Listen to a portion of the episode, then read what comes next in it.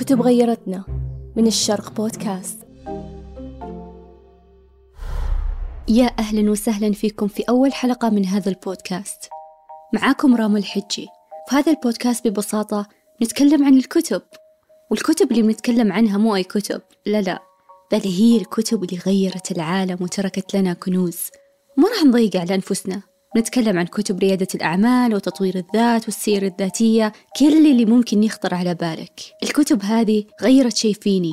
ووجدت نفسي شخص آخر بعد قراءتي لها. زي ما قالت ريبيكا سولنت بعض الكتب طويلة الرحلات وفي نهاية الرحلة لن تكون الشخص نفسه الذي كان في البداية.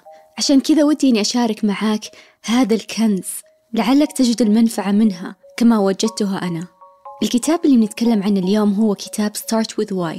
أي ابدأ بلماذا؟ للكاتب سايمون سينيك الكتاب يتكلم عن أهمية اللماذا أو المعنى من الأمور اللي نسويها في حياتنا الشخصية أو حتى العملية. الكاتب العظيم خلف هذا الكتاب اللي هو سايمون سينيك قرر يحطها كمهمة له إنه بيساعد الناس تلاقي إيش يلهمهم Working hard for something we don't care about is called stress. Working hard for something we love is called passion. ويستخدم في هذا الكتاب أمثلة من العالم الواقعي لقادة عظماء عشان يوضح لك كيف أخذوا اللماذا وحولوها لشيء عظيم وكيف قدروا يلهموا نفسهم واللي حولهم You don't have to have a vision.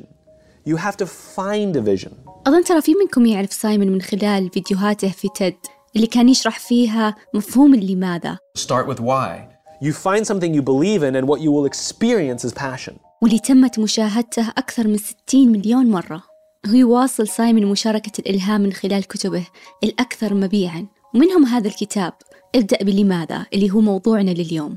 لذا عشان يحقق رؤيته نشر كتابه في عام 2009 ميلادي ولا يزال يعد هذا الكتاب من أهم الكتب لرواد الأعمال وحتى الراغبين في تطوير ذاتهم وإيجاد الإلهام. فصار من أكثر الكتب إلهاما ومبيعا. وأشعلت الحركة اللماذا؟ سايمون عالم الإثنوغرافيا المدرب مفتون بالناس. والشركات اللي تترك أثر كبير والوقت طويل. على مر السنين اكتشف بعض الأنماط الرائعة حول طريقة تفكير هذول الناس والشركات وتصرفاتهم حتى لقى أنماط مشتركة في طريقة تواصلهم.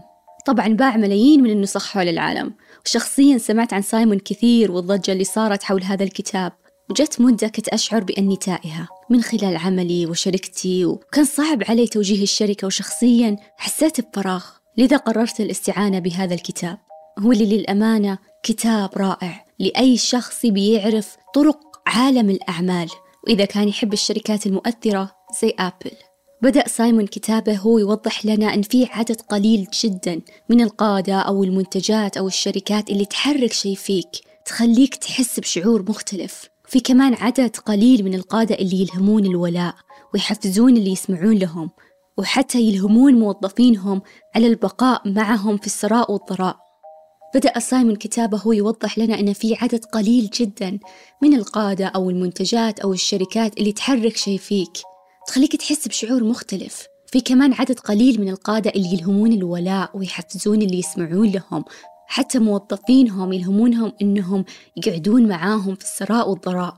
لما نفكر في هذه المواصفات سواء أفراد ولا شركات ممكن يخطر على بالنا شركات مثل أبل أو Southwest Airlines هذول القادة والشركات سووا أمور حركت شيء بعملائهم وحتى موظفينهم لدرجة أنهم صاروا مخلصين لهم بشكل لا يصدق أنا جالي فضول فضول جدا ليش هذا الولاء؟ طيب إيش فرقهم عن البقية؟ بقول لك الفرق هو أن هؤلاء القادة والشركات كانوا دائما يبدأون بالسبب كمل يشرح سايمون سينيك في كتابه سبب نجاح هذول العمالقة وكيف يمكن لكل قائد طموح استخدام المنهجية المقدمة في هذا الكتاب عشان يلهم الآخرين ويترك أثر؟ قال في كتابه الناس لا تشتري ما تفعله بل تشتري لماذا تفعله بدأت الأسئلة تزداد وتتكاثر في ذهني. مع كل صفحة وتحمست وأنا أقلب الصفحات أبي أعرف سرهم. ليش يكون بعض الأشخاص في المنظمات أكثر ابتكارا وتأثيرا وربحا من الآخرين؟ ممكن ترى في أكثر من شخص يبيع نفس الشيء. ليش يكتسب البعض ولاء أكبر من العملاء والموظفين؟ حتى بين الناجحين ليش قليل منهم قادرين على تكرار نجاحهم مرارا وتكرارا؟ اللي سواه الكاتب أنه وضح لنا القواسم المشتركة بينهم وخلاها منهجية يمكن لأي أحد اتباعها. بعد ما درسهم وكلمهم شاف القواسم المشتركة بينهم ويسمي سنك هذه الفكرة القوية أو المنهجية اللي قدمها لنا في كتابه بالدائرة الذهبية. هذه الدائرة توفر إطار يمكن على أساسه بناء المنظمات والقيادة وإلهام الناس. وكل هذا يبدأ بالسبب. أبيكم تتخيلون معي دائرة. هي دائرة كبيرة جوتها دائرة أصغر منها ومن ثم دائرة داخلها أصغر منها. الدائرة اللي في الوسط أصغر واحدة ولكن أهم واحدة اللي كأنها الجوهر والنواة هي اللي ماذا أما الدائرة التالية اللي أكبر منها بشوي هي كيف؟ وأخيرا الدائرة الخارجية هي ماذا؟ طب إيش يعني كل هذا؟ يعني أن كل قائد وشركة يعرفون الماذا يقدرون يوصفون منتجاتهم وصناعاتهم ومنافسينهم بسهولة لو سألتهم. كمان تعرف بعض الشركات الكيف واللي هو كيف تفعل ما تفعله. العوامل الفريدة الخاصة فيها وقيمتها وقيمها وما إلى ذلك. لكن قلة من الشركات تعرف ليش أو توضح سببها. الغرض منها أو قضيتها أو حتى معتقدها.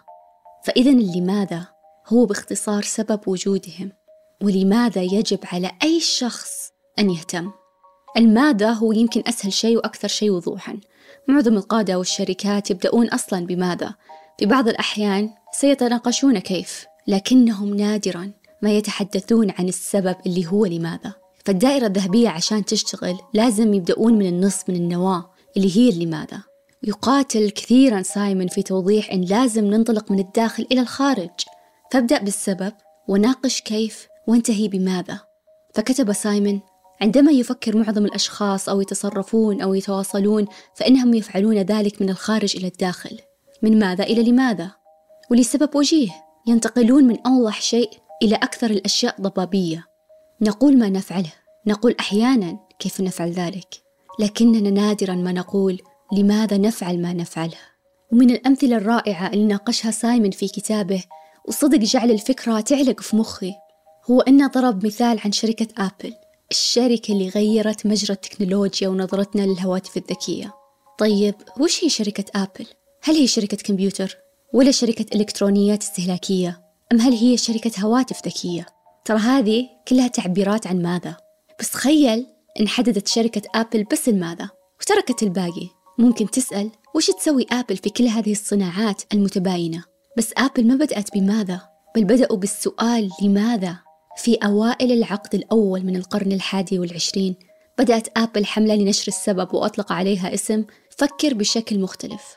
على مدار تاريخها كانت آبل منافسا مبدعا مبتكرا سواء من خلال الكمبيوترات زي ما فعلوا في السبعينات والثمانينات ومن ثم مع آيتونز وآيفون وآيبود في كل مرة يصنعوا شيء ويطلعوا بشيء ظلوا صادقين مع سببهم. اللي هو فكر بشكل مختلف. كل شيء سووه إنه كيف؟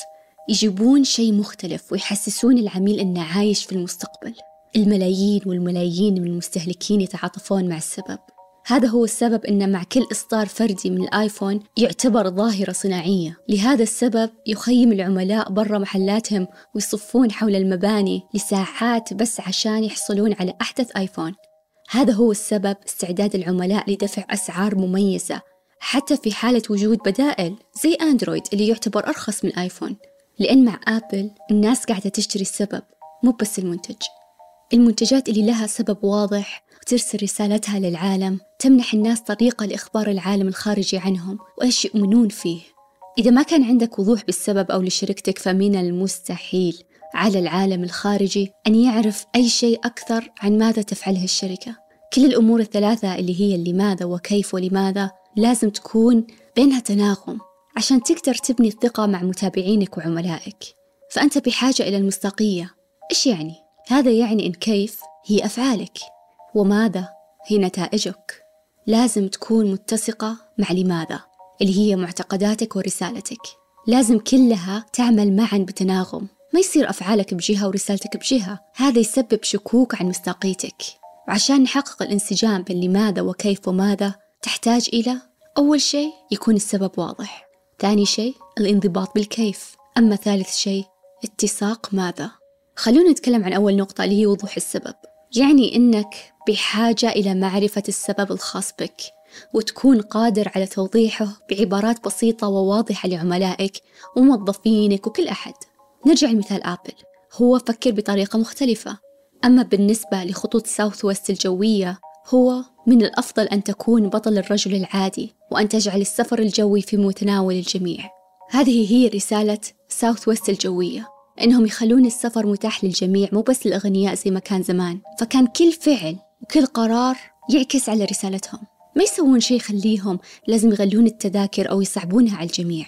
مثال آخر شركة ديزني. يلخص الرئيس التنفيذي لشركة ديزني سببهم بقوله نحن في مجال سرد القصص. كتب سايمون عليك أن تعرف لماذا تفعل ما تفعله. إذا كان الناس لا يشترون ما تفعله فإنهم يشترون سبب قيامك بذلك.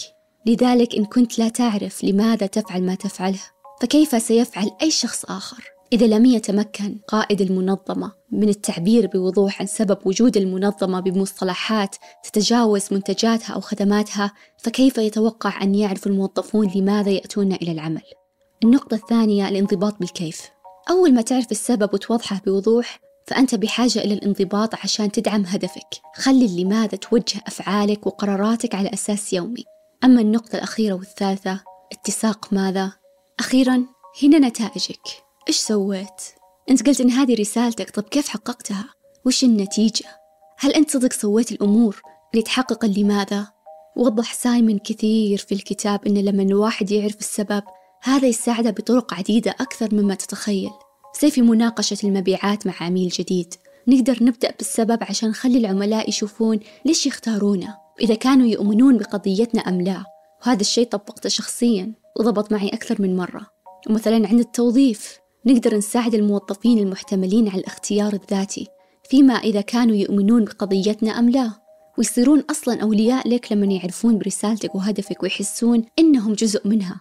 حتى نقدر كمان نستخدمه كبوصلة لاتخاذ القرارات. عند السعي وراء أي شيء جديد ومبتكر فيه الكثير من الأشياء المجهولة. وفوق كل هذا يجي كثير من الناس اللي بيقولون لك ما يجب فعله. أحيانا بثقة زائدة ما لها هدف. فخلي بوصلتك هي اللي ماذا. إذا كان شيء يتناغم معه ويساعدك بأنك تحققه إذا اذهب له. وإذا لا تبعد عنه. طب لو رحنا إلى العمل كل يوم لنكون أفضل من نفسنا ونخلي المنظمة في حالة أفضل مما وجدناها المؤسسات الكبرى فقط هي اللي تحافظ على لماذا؟ واضحة عاما بعد عام. اللي ينسون لماذا تم تأسيسهم يظهرون في السباق كل يوم للتغلب على شخص آخر بدلا من التفوق على أنفسهم. لذا مع سببك فأنت أفضل من منافسينك. وتذكر أن لا يكفي مجرد توصيل السبب مرة واحدة. كما كتب سايمون يجب على الشركة في الواقع أي منظمة أن تعمل بنشاط لتذكير الجميع بسبب وجود الشركة. لماذا تأسست في المقام الأول؟ ما تعتقده؟ أنهم بحاجة إلى مساءلة كل فرد في الشركة تجاه القيم والمبادئ التوجيهية. فإذا بلخص الكتاب بثلاث جمل أظن بقول أولا تبدأ القدرة على الإلهام من حولك وتحقيق أشياء رائعة من السبب. ثانيا يمكن لأي منظمة أن تشرح ما تفعله يمكن للبعض أن يشرح كيف يفعلون ذلك. لكن قلة قليلة منهم يمكنها توضيح السبب. ثالثا أولئك الذين بدأوا بلماذا؟ هم من يصبحون مصدر الإلهام. لذا إذا كنت تبي تبدأ شركة فابدأ بالسبب. إذا كنت تبني منتج جديد فابدأ بالسبب. إذا كنت تقود فريق أو مؤسسة فابدأ بالسبب. ذكر أن الناس لا يشترون ما تفعله يشترون لماذا تفعله. القادة الأكثر فاعلية دائما يفوزون بالقلب أولا ثم العقل. والفرصة الوحيدة لكسب القلب إذا بدأت بالسبب. وهذه هي نهاية حلقتنا لليوم. أتمنى أنكم استفدتوا واستمتعتوا معنا. لسه ورانا كتب كثيرة نسولف عنها والجاي أفضل بإذن الله. إذا بخاطركم أي كتب معينة اكتبوا لي في التعليقات. ورشحوا لنا الكتب اللي تفضلون تشوفونها وتسمعون ملخصاتها. شكرا لكم.